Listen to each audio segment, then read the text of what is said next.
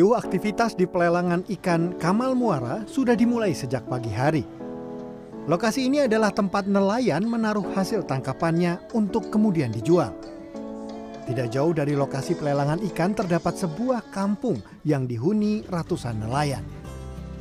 Kampung di RW 04 dan RW 05 Kelurahan Kamal Muara ini sudah dikenal sebagai kampung nelayan. Dari total 200 warga, 90% di antaranya adalah masyarakat keturunan suku Bugis. Suasana kental suku Bugis terasa dari perbincangan warga dengan dialek Bugis dan rumah-rumah panggung yang ada. Salah satu nelayan yang sudah lama tinggal di Kamal Muara adalah Murni. Pria 58 tahun ini sudah menjadi nelayan sejak tahun 1988. Ia tinggal bersama istri, anak dan cucunya di rumah panggung sederhana yang dibuat dari hasil melaut. Selama lebih dari 30 tahun, keluarga Murni mendukung aktivitasnya menjadi nelayan.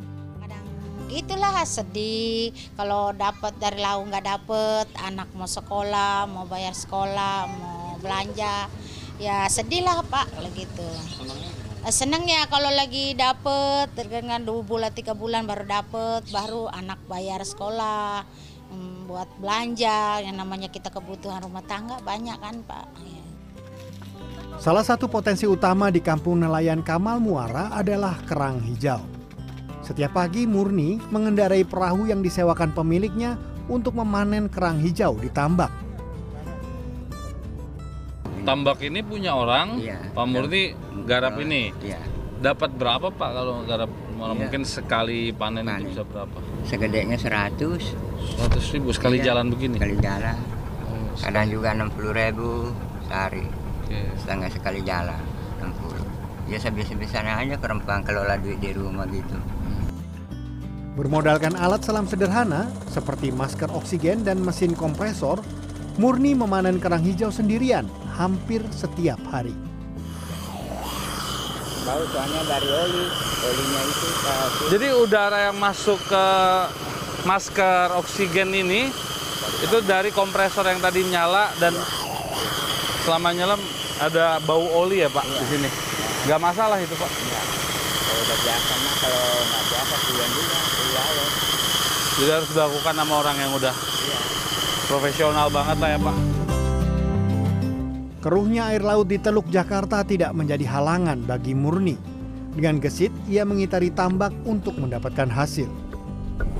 Gelembung-gelembung di sana menandakan posisi Pak Murni saat ini saat mencari kerang hijau di tambak ini. Nah, kalau tadi dari perbincangan saya dengan Pak Murni, jarak pandang di dalam sini saja tidak sampai satu meter dan seperti inilah kehidupan eh, para nelayan di Kamal Muara pencari kerang hijau dengan alat seadanya, dengan alat yang sederhana mereka coba bertahan hidup untuk mendapatkan penghasilan dari mencari kerang hijau. Dalam sehari rata-rata Murni mampu mengumpulkan hingga 30 kg kerang hijau. Kurang lebih 20 menit Pak Murni tadi menyelam. Hasilnya ya gini satu kantong gini biasa dapat 10 kilo. Ayo Pak lagi Pak.